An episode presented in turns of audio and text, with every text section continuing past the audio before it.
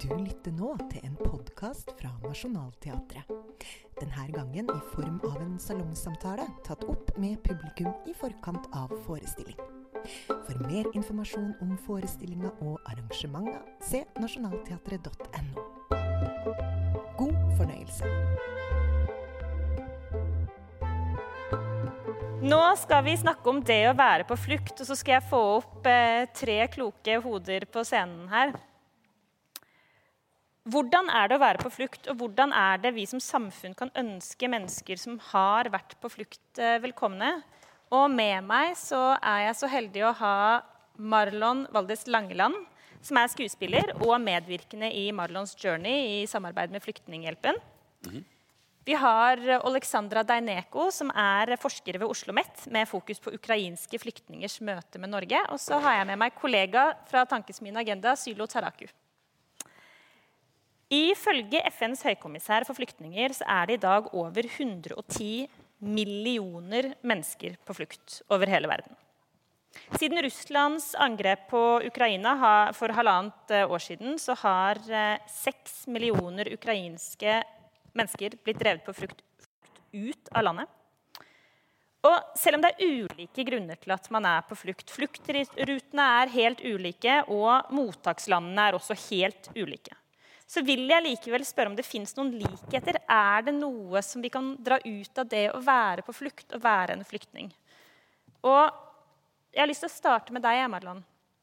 For I 2018 så gjennomførte du et prosjekt sammen med Flyktninghjelpen, Mar Marlons Journey hvor du møtte unge mennesker på flukt fra ulike steder i verden. Du var i Libanon, du var i Kongo, du var i Colombia. Det stemmer dette? Mm -hmm. ja. Ja. Eh, og der møtte du mange unge på flukt. Er det noe du tenker at er felles med disse menneskene, selv om de har helt ulike liv, helt ulike land, fluktruter osv.? Absolutt.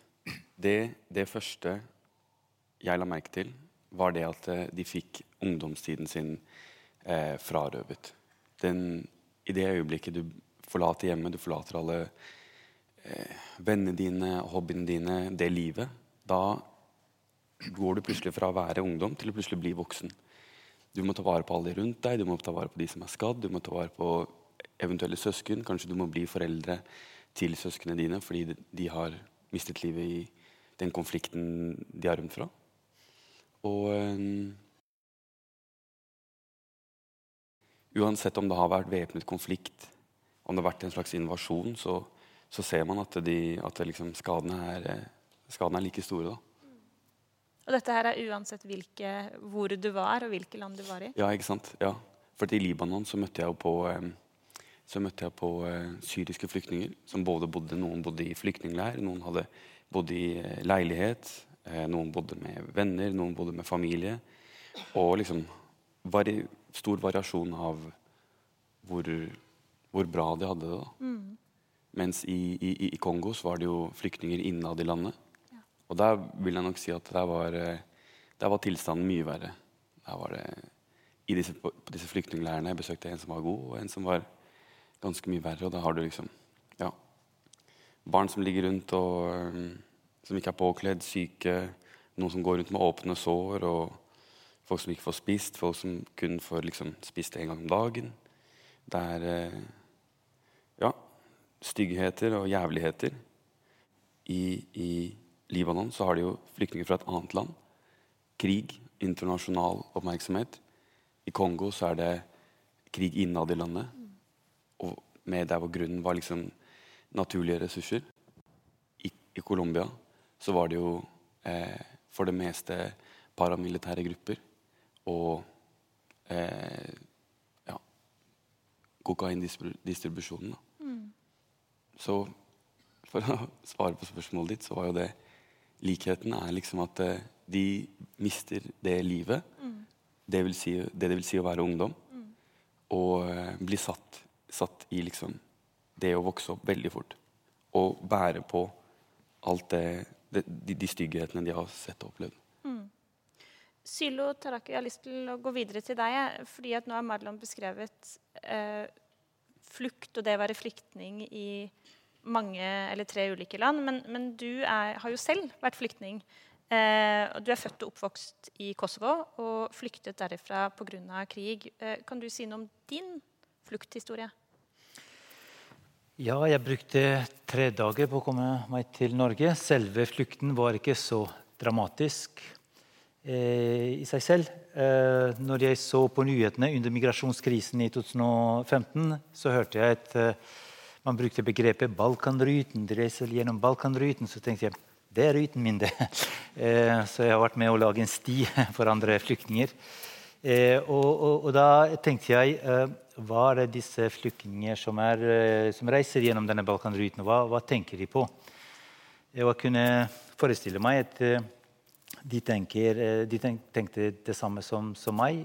Man vet ikke helt hvor, om man blir stoppet på veien, hvor man ender opp, hvilket samfunn man kommer til, hvordan blir man tatt imot, hva som skjer videre eh, om man noen gang kommer tilbake til hjemlandet sitt. Mange eh, tanker i hodet og eh, mye, mye, usikkerhet om fremtiden.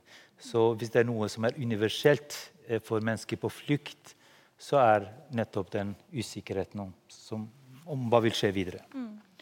Alexandra, du har jobbet med, mye med mottakssystemet i Norge, og, eh, som har tatt imot mange ukrainske flyktninger siste, de siste halvannet året. Og du er også selv ukrainsk og kom til Norge fra Ukraina i mars i 2022.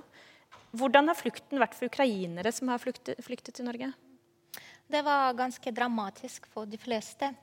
Og vi gjennomfører intervjuer med ukrainske flyktninger, og et av spørsmålene som vi stiller, er om flukt. Og mange måtte flykte fra de okkuperte områdene og måtte kjøre gjennom uh, min, mine felt. Og måtte gå gjennom russiske filtrering og opplevde ydmykelse. Og oppholde seg på evakueringstoget uten å kunne å sitte og gå på do. Uh, samtidig uh, beskriver de fleste at ikke flukt var det, det verste.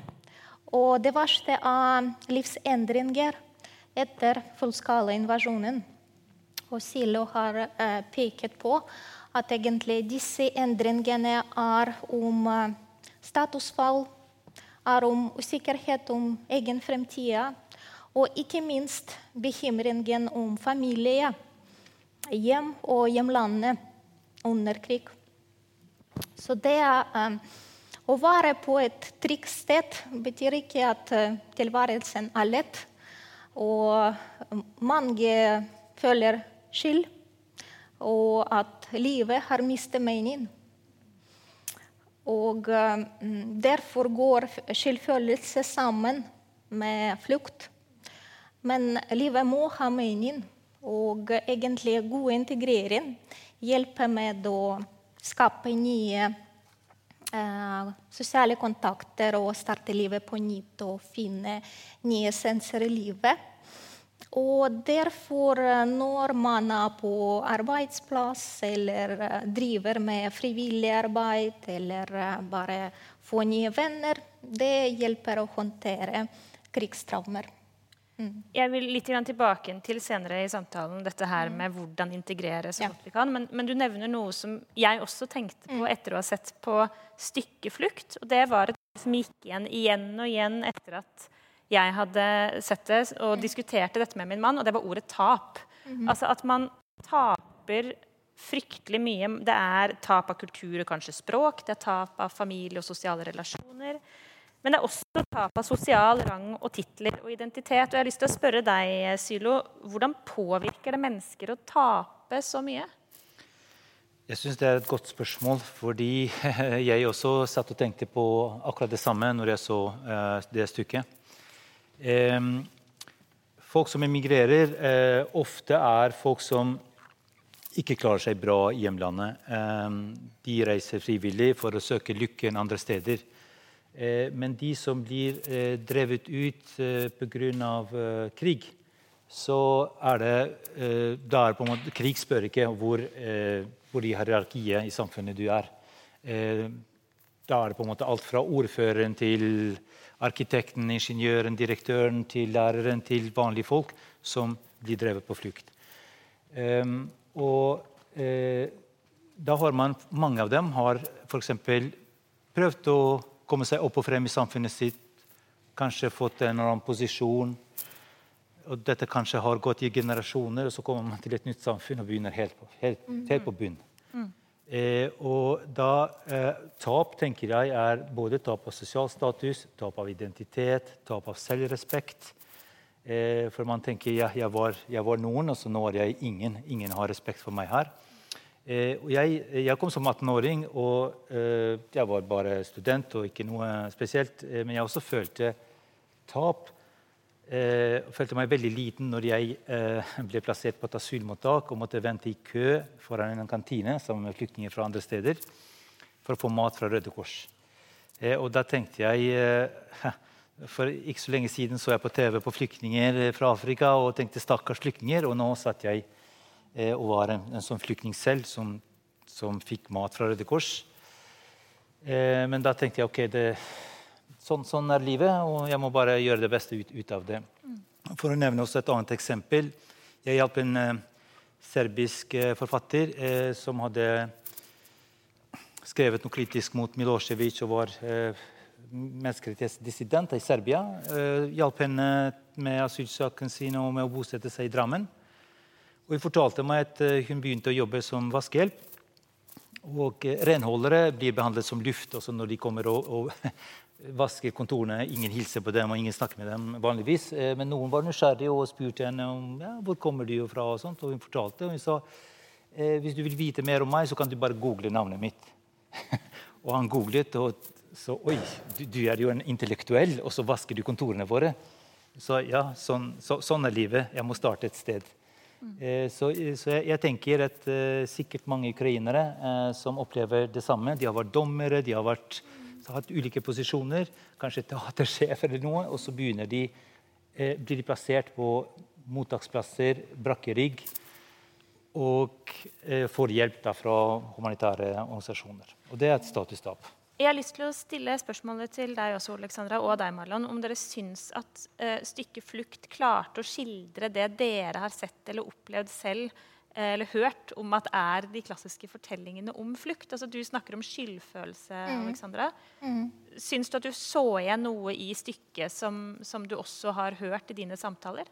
Jeg vil ikke sammenligne egentlig uh, flukthistorie med situasjonen i Ukraina pga. at det er helt annerledes tider og det er helt annerledes konteksten. Mm. Pga. det handler om russiske borgerskrig når hvite hater røde. Men uh, i Ukraina har vi fullskalainvasjonen. Mm. Og uh, Jeg er enig. Det er, det er helt uh, ulike kontekster. og man skal være forsiktig med å liksom, dra sammenligninger ut fra stykket. Men, men, men, men krig men, det er noe universelt i krig. Og det er den redselen folk har. Eh, og så er det noe universelt med flukt også. Det at folk rives fra hverandre og prøver å finne, finne hverandre igjen. Eh, og, og, det vi snakket om, det, dette med tap, da, at man må eh, overleve. Så jeg, eh, det er, altså, Dette stykket er delt i to, to, deler. Den ene handler om krig, den andre om flukt. Eh, og, og, hvis det er noe som er felles med begge, er eh, kampen for å overleve. Jeg har litt lyst eh, over til neste tema. Jeg har lyst til å snakke om Norge som mottaksland. fordi at eh, Etter at krigen brøt ut i Ukraina og Russland eh, gikk inn med fullskala invasjon, så har 56 000 ukrainere ankommet Norge og søkt om asyl. Altså, dette her er 56 000 mennesker som har måttet forlate hjemland og familie og hverdag. Og i flukt så skildres jo, som vi akkurat har snakket om, dette her med å flykte. men det er en helt annen situasjon vi står overfor i dag. Har vi i Norge egentlig klart å stille oss om som eh, samfunn? Og har vi klart å stille om mottakssystemet vårt? Og har opplevelsene til de som har kommet fra Ukraina det siste året, vært god, eller hvordan har den egentlig vært? Og Det har jeg litt lyst til å grave litt eh, dypere i. Eh, Sylo, har du, du, har jobbet mye med innvandring og integrering, og du har også skrevet et notat om nettopp mottaksprosessen om ukrainske flyktninger. Hva, har du lyst til å si noe kort om hva dine erfaringer er? Så det store bildet er at uh, Norge har tatt imot uh, ukrainske flyktninger på en god måte. Uh, både myndighetene har vært mye flinkere med beredskapen nå enn i 2015. Man har dratt lærdommer fra siste flyktningkrise. Lokalsamfunn har stilt opp. Man har gjort veldig mye på veldig kort tid fordi det har kommet mange. men men det har ikke vært på en måte helt smertefritt. Også eh, for ukrainske flyktninger så har, har det vært ulike erfaringer. Eh, noen har blitt plassert på fine steder, og alt har fungert bra. Andre har opplevd ting helt annerledes. Og det syns jeg er på en måte litt beklagelig, fordi Norge er egentlig noe av det som gjorde inntrykk når jeg kom til Norge. Bare som, det var så likt overalt. Eh, og et ganske egalitært samfunn. Eh, men så opplever de veldig ulik behandling. og det skapte litt frustrasjon. Hvorfor blir vi behandlet dårligere enn de andre? og sånt. Eh, så det var ikke alt som fungerte bra. Bare for å ta et eksempel. Når jeg hørte om at eh, flyktninger eh, er sultne, får ikke mat, og må få mat fra fat fattighuset og sånt ute, så tenkte jeg hvordan er det mulig? Altså, Norge er et velferdssamfunn. Så snakket jeg med, med mottak i forbindelse med, med, det arbeidet jeg gjorde. og jeg sa hvordan er det mulig at eh, flyktninger ikke får mat? og de går eh, altså, de sover sultne, til og med barna. Og da fortalte de sånn at når man driver mottak og har et, en kantine, så tenker man ok, hvor mange, hvor mange eh, flyktninger har vi? For eksempel, ja, 50 eller 60 eller 100. Og så bestiller man mat til akkurat de. Eh, men de første som kommer, de hamstrer. så eh, det er på en måte det er også en, en, en bilde av krigen. ikke sant? Og så de som kommer etterpå, fikk ikke noe mat. Og da måtte barna sove sultne. Mm. Så sånne historier også gjør, gjør inntrykk. Alexandra, du har jo forsket på dette her det siste året. Eh, deler du Sylo sin eh, analyse av hvordan det har vært å komme Det er jo så klart 56 mhm. 000 forskjellige ja. historier, dette her. Ja. Ja. Men hva er din uh, observasjon om hvordan de, mottakssystemet har vært? Ja, jeg deler egentlig Sylos funn. Men akkurat om at det finnes helt forskjellig erfaring i ulike kommuner. Eh, men eh, forskninger vår viser at eh, det helhetsinntrykket er at ukrainere er ganske fornøye med hvordan de har blitt tatt imot i Norge. Og de fleste som kom i fjor, hadde ingen forventninger og de ble overrasket eh, med, med velfungerende norske mottakssystemet, og ikke minst uh, menneskelig tilnærming i kommuner som de ble bosatt i. Og uh, nesten i hvert intervju finner vi takknemlighet som ukrainere sender til det norske samfunnet. Men det betyr ikke at det finnes ingen utfordringer forsikre at det er språkbarriere og det er manglende informasjon om forskjellige offentlige tjenester og hvordan å starte livet på nytt i Norge. Og det er manglende nettverk. Og nå det er arbeidsintegrering. Og kanskje det er det største tap nå. Pga. folk har ganske høye forventninger. Og Silla har eh, pekt på at eh, det kommer forskjellige folk det kan være ordfører, det kan være dommer, det kan være lege. Men alle må starte livet på nytt, egentlig, og ikke alle er klare til det. Og det tenker jeg er kanskje de største utfordringer som alle flyktninger opplever nå. Mm. Men når det gjelder mottakssystem, så det er forsikret fungerte veldig bra. Du har jo også sett litt på disse tallene, Sylo. Altså, det har vært en periode nå hvor mange har kommet og gått gjennom mottakssystemet og språkopplæring. Men nå er det altså arbeidsintegreringen som Alexandra peker på. Eh, hvor står vi der nå?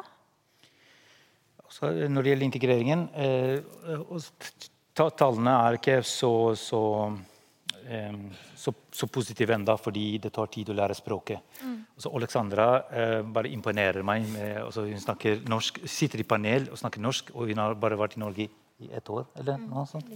Så applaus for det, da. Ja, før, før, vi begynte, jeg spurte henne er det, deltar du på norsk her eller på engelsk. norsk, og jeg sa jeg var ikke i nærheten av ditt nivå etter et år. Så, så bravo. Eh, men mange sliter litt med språket eh, også, og det tar tid. Eh, men når man ser på den sosiale bakgrunnen eh, med utdannelse, med at mange har jobbet, har erfaring med jobb, og sånt, så, så er jeg optimistisk når det gjelder integreringen. absolutt. Å... Og, og, men, men liksom, man må også ta, ta, eh, tenke på eh, dette med at familien er splittet. Det er mange kvinner med barn mm. som må tenke hele tiden på mennene sine, eh, som er i fronten eh, på familiene sine. Eh, så det er, eh, det er, mye mer krevende enn når familien er kompakt. Ja. Så de må ta seg av barna. Ja. Jeg har litt lyst til å snakke med deg om dette her også, Marlon. fordi Du har jo ikke den samme innsikten i det norske mottakssystemet for ukrainere som de to som du sitter sammen med her, men du har likevel vært rundt i verden og sett på hvordan mottaket egentlig av flyktninger har vært i de landene du har vært i. altså I Libanon bl.a., hvor det da var syriske flyktninger. Har du no noen tanker og refleksjoner om hvordan du tenker at det norske mottaket er, sammenlignet med andre land som du har vært og besøkt? Ja, altså jeg tenker sånn Det er jo mye av det dere har sagt, og spesielt eh, det om eh, at det kan variere mye da, fra det ene asylmottaket til det andre. Nå er det jo faktisk sånn at eh, faren min jobbet mange år på asylmottak. Ja. Og jeg fikk noen gang komme opp på besøk og henge med, henge med de barna som var der, og se hvordan det livet var. Og også hørt fortellinger om hvordan, hvordan det er liksom bak, bak, bak, bak eh, dørene. og at eh, Hva som skjer da når alt, alt, det fæle man har opplevd, kommer på overflaten. fordi at etter, etter, man har opplevd konflikten, og det blir stille, ikke hva, hva, er det som skjer da? Hvor skal, hvor skal alt dette Hvor skal det gå hen? ikke sant? Og, um, og um, så, ja. Det har jeg liksom fått gjennom uh, Ja, og du har sikkert sett uh, mennesker som på en måte ikke tas tas vare på av en sånn velferdsstat som vi har. ikke sant? Eh, for jeg, jeg, tenkte litt når jeg så stykket, mm, at eh, det som beskrives der, da, er egentlig en situasjon som flyktninger her ikke kan kjenne seg helt igjen i. Men eh, det er mer beskrivende for papirløse. Eh, for de som må klare seg på egen hånd eh, på gata. Og jeg har eh, sett eh, sånne eh, situasjoner både i Hellas og i Italia, hvor de må selge. Men også, for så vidt også i, altså i Tyrkia og Paris. Og sånt. Og kvinner må selge kroppen sin for å overleve. Så de som ikke er en del av systemet, men som må overleve som papirløse, kan kanskje kjenne seg igjen litt i den forestillingen der. Mm. Jeg har litt lyst til å gå inn på et av de ordene, eller et, noe av det du beskrev, Marlon, fordi at du snakker om det man har opplevd. Altså det, det, må jo Hos veldig mange som har vært på flukt, så ligger det jo traumer. Eh, og i det så tenker jeg at det norske samfunnet og staten og systemet som vi kaller det, må jo ta imot dette her. Men så er det jo noe med å være enkeltmennesker i møte med personer som har vært på flukt. Eh, jeg har litt lyst til å snakke med dere også om hvordan vi som ikke bare det storsamfunnet kan ta imot, men hvordan vi kan være gode naboer, hvordan vi kan være gode kollegaer, hvordan vi kan nærme oss mennesker som har vært på flukt på en best mulig måte. Og Alexandra, hva er ditt inntrykk? Har nordmenn vært gode på det? Å mm. ta imot som enkeltmennesker, og ikke bare på systemnivå? Mm. Uh, det norske mottakssystemet er organisert på en inkluderende måte, tenker jeg. Pga. Eh, med kollektiv beskyttelse bor folk eh, kort tid til mottak og eh, ble bosatt over hele landet. Ikke konsentrere i gettoer. Og det uh, egentlig skaper ekstra mulighet for å finne, skape nye sosiale kontakter med nordmenn. Og min, in, mitt inntrykk er at uh, egentlig nordmenn er veldig flinke uh, til å inkludere ukrainske flyktninger i det norske samfunnet. Og I sosiologi måler vi mm, et inkluderende potensial og sosial distanse med det spørsmål f.eks. Ville du latt eh, en eksempel, ukrainsk flyktning bo bor i din kommune, i ditt nabolag eller bo hos deg en stund? Og her ser vi at ganske mange nordmenn bosatte ukrainske flyktninger som de skjønte ikke før. Og bare oppfattet de som nesten familiemedlem. Og det egentlig tyder på at ja, nordmenn er veldig flinke til å inkludere ukrainske flyktninger. Og så vil jeg gjerne peke på at uh, jeg hører ofte i innvandringsmiljø at det er ikke så lett å skape nye kontakter med nordmenn og få norske venner. Og kanskje det stemmer, og det, det viser seg i forskningen vår. Men samtidig er uh, flyktninger også kan være litt innadvendte. Og det finnes mange grunner til det. Pga. Uh, f.eks. de kan ikke språket, og de har aldri vært i utlandet før. Og de har aldri hatt en kontakt med noen fra en annen kultur. Og uh, de bare kanskje tenker at det er ikke så bra å dele noen personlige historier og traumatiserte erfaringer osv. Men hvis, uh, isen, hvis man uh, bryter isen, finnes det ingen problem med kommunikasjon. Og uh, egentlig forskninger vår viser at norske naboer og kolleger spiller en avgjørende rolle når det gjelder uh, introduksjon til det norske samfunnet og hvordan det fungerer. Så å få nye venner det er ikke bare gøy, men også veldig nyttig for alle flyktninger. Mm. Sylo, du har jo erfaring med dette her selv også. Hva var det som var viktig for deg da du kom til Norge? Ja, først en kommentar til Alexandre. Jeg syns, eh, syns du er veldig, veldig, positiv. Og det reflekterer litt også eh, den takknemligheten ukrainske flyktninger har. Eh, kanskje noen av dere husker at vi fra Balkan var ikke like flinke til å liksom, være takknemlige. Vi var litt mer kravstore den gangen. Mange var takknemlige, men mange hadde store forventninger og ble litt skuffet når de kom til Norge. og Det var liksom veldig spartanske forhold på de mottakene. og eh, altså, Man ble plassert på hytter. Eh, og noen, altså, det, folk klaget på at det var ikke privatliv, det var ikke gardiner engang på soverom. og sånt. Så det var en del sånne saker som ødela litt for, for, for bosniske flyktninger. Eh, så, så, jeg har fulgt litt med på, på en sånn Facebook-side blant ukrainske flyktninger hvor noen begynner å klage, og andre ukrainere sier ikke klag, vær takknemlig. La oss ikke ødelegge for de andre. og sånt. Så det, det syns jeg er positivt. Eh, nei, også nordmenn er, Det er ikke lett å bli venner med, med nordmenn. Eh, så det er, ikke, det er, ikke, sånn Jeg tror ikke det er sånn at det er flyktninger som ikke bryter, som er på en måte de som holder igjen. Det er, det er flyktninger som må bryte isen, med det er min erfaring. Og så blir nordmenn mer åpne. Eh, for den norske kulturen er sånn at man skal la folk være i fred. Eh, så man, Hvis man tar toget fra eh, Oslo til Bodø og sitter ved siden av noen, så kan man risikere at uh, vedkommende sier ikke ett et ord gjennom hele reisen. Bortsett fra liksom 'Unnskyld, jeg skal på do', eller noe. Eh, så, så, men hvis, hvis, du spør, så blir det en samtale. Men når man kommer til Bodø, da, så, så, er det lettere å finne venner eh, i Nordland. Det, har, det, er også min erfaring. Ja, for er det det, Sylo? Er er det regionale forskjeller? Veldig, veldig store, og, og, du nevnte også det. I små samfunn lettere å, folk er mer nysgjerrig, lettere å komme i kontakt. Mm -hmm. Lettere å bli tatt imot som en del av lokalsamfunnet. Mens her i store byer mye vanskeligere. Mm. Eh, og, og, derfor, det Min erfaring er at når jeg kom til Drammen fra Sandnessjøen, eh, så tenkte jeg at dette var helt andre typer nordmenn. Mm. Eh, og når jeg spurte hvordan blir man venn med, med nordmenn, så, så, fikk jeg høre at alle er opptatt, alle har sine venner, så de, de har ikke plass til deg. Eh, så hvis de skal bli venn med nordmenn, men, uh... så må de delta i en organisert aktivitet. Røde Kors eller fotball eller noe. Mm. Så, så via frivilligheten. Via frivilligheten. Ja. Men du Marlon, du fortalte jo akkurat at du sprang rundt i gangene eh, sammen med de som var asylsøkere. Hvordan eh, opplevde du å kunne komme i kontakt med dem? Mm, altså Jeg er jo en åpen og utadvendt person, så jeg tenker at det, det, var egentlig der det begynte.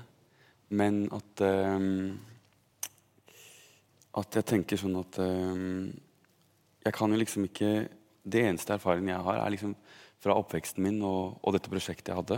Mm. Og, og, de vennene jeg har som, har som har flyktet eller som har innvandret. Og jeg tenker sånn at det blir også vanskeligere jo lengre unna Norge man har flyktet fra. Ja. Hvis du skjønner hva jeg mener? Ja. Jo mer just, Hvis det er en forskjell i trossamfunnet, hvis det er en forskjell i utseendet, hvis det er en forskjell hvis man også flykter fra eh, landsbygda til en storby, ikke sant? eller en storby til landsbygda ikke sant? Så da, og da blir det liksom Da legger det liksom på utfordringer på utfordringer. Og det som det kanskje belyser litt, er at det er eh, Vi har ett ord, og det er flyktning, men det er liksom det er veldig store variasjoner. da.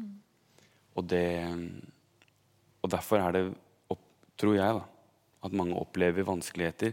Spesielt liksom når man har når man har liksom kanskje et, eh, et, liksom et eh, organ som arbeider med akkurat flyktninger, så veit man ikke at liksom Ja, de kommer derfra. Det, de, de, de, tenker, de, de føler og tenker på dette her, og de føler og tenker på dette her. Og så har man kanskje en person som er ja, som er liksom kontaktperson. Da. Ikke, Jeg ser at Det dere er veldig, veldig, godt- veldig godt poeng. Eh, altså, selv vi eh, som kommer fra Europa, kan kjenne på fremmedfølelsen når man kommer til et nytt samfunn, nytt språk, ny kultur. Ikke sant? Så man føler seg fremmed, man er ikke hjemme, ikke, ikke helt trygg. Eh, så kan man tenke seg den fremmedfølelsen som folk som kommer fra andre kulturer utenfor Europa, eh, kan, kan oppleve. Fra Afrika eller fra Asia. og sånt. Eh, så det, eh, det gjør at terskelen også for kontakt blir høyere. ikke sant? Eh, den fremmedfølelsen er så stor. Her har jeg lyst til å stille dere alle tre et avsluttende spørsmål som jeg tenker at jeg i hvert fall har lurt på, og som jeg tipper at det er flere i salen som også lurer på. Det er hvordan kan vi som enkeltmennesker prøve å bygge ned den redselen kanskje det er for å tenke at å nei, men jeg skal ikke ta kontakt fordi at eh, det, er, det kan være språkbarrierer, eller kanskje tenke om jeg sier noe feil, eller altså det, man er jo, det er så menneskelig å være redd for det ukjente, da. Eh, Men hva er deres beste tips til oss som enkeltmennesker, spesielt her i Oslo, hvor vi akkurat har blitt enige om at det er litt vanskeligere å bli integrert? Eh, Hvordan kan vi møte folk som har flykta? Har du lyst til å starte, Marlon? Ja, altså jeg tenker sånn eh, det, det, er jo, det går liksom på det personlige planet. da. Invitere hjem på te, på kaffe, arrangere ikke sant? sammenkomster av å dele mat, dele norsk kultur. Vet du hva vaffel med brunost er? Nei. Vil du smake på en?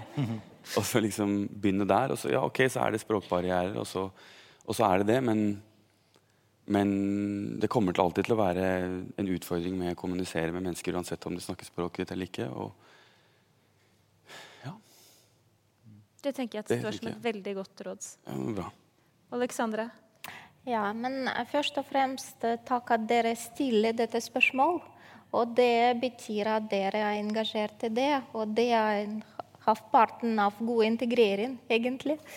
Så, men jeg har tre tips, kanskje. Eh, Først eh, bare å mm, Eh, Jeg vet at nordmenn er veldig tålmodige, egentlig. Så bare å fortsette å være tålmodig. På grunn av, på grunn av når man starter livet på nytt, kan man ta mange feil på arbeidsplass med språk eh, i nabolaget og i andre steder.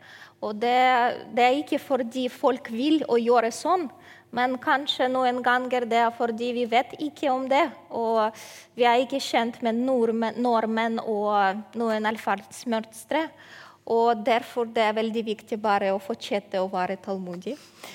Og eh, det andre det er å kanskje å bryte isen.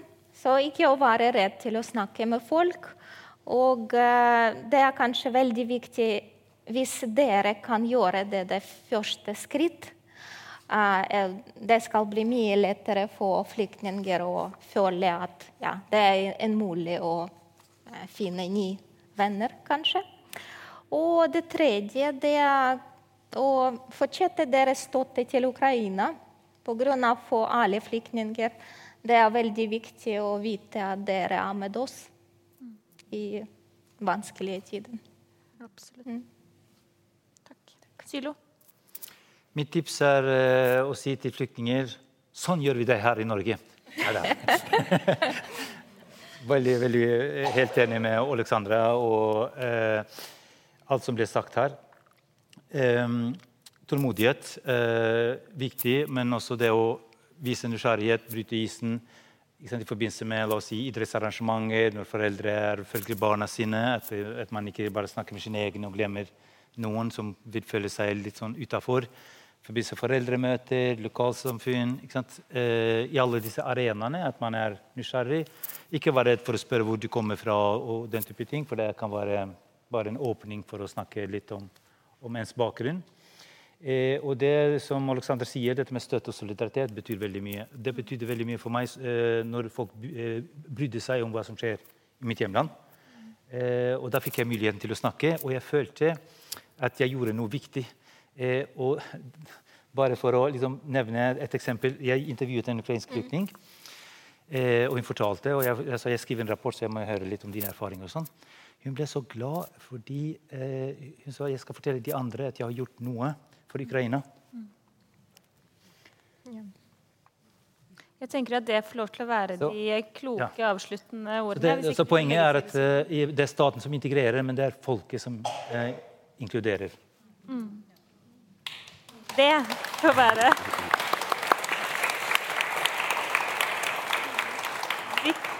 kloke avsluttende ordene for denne samtalen. Tusen hjertelig takk for at dere kom. Marlon Langland, Alexandra Deineko, Sylo Taraku.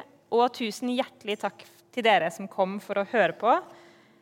Og god forestilling til dere som skal se den. Tusen hjertelig takk for i kveld.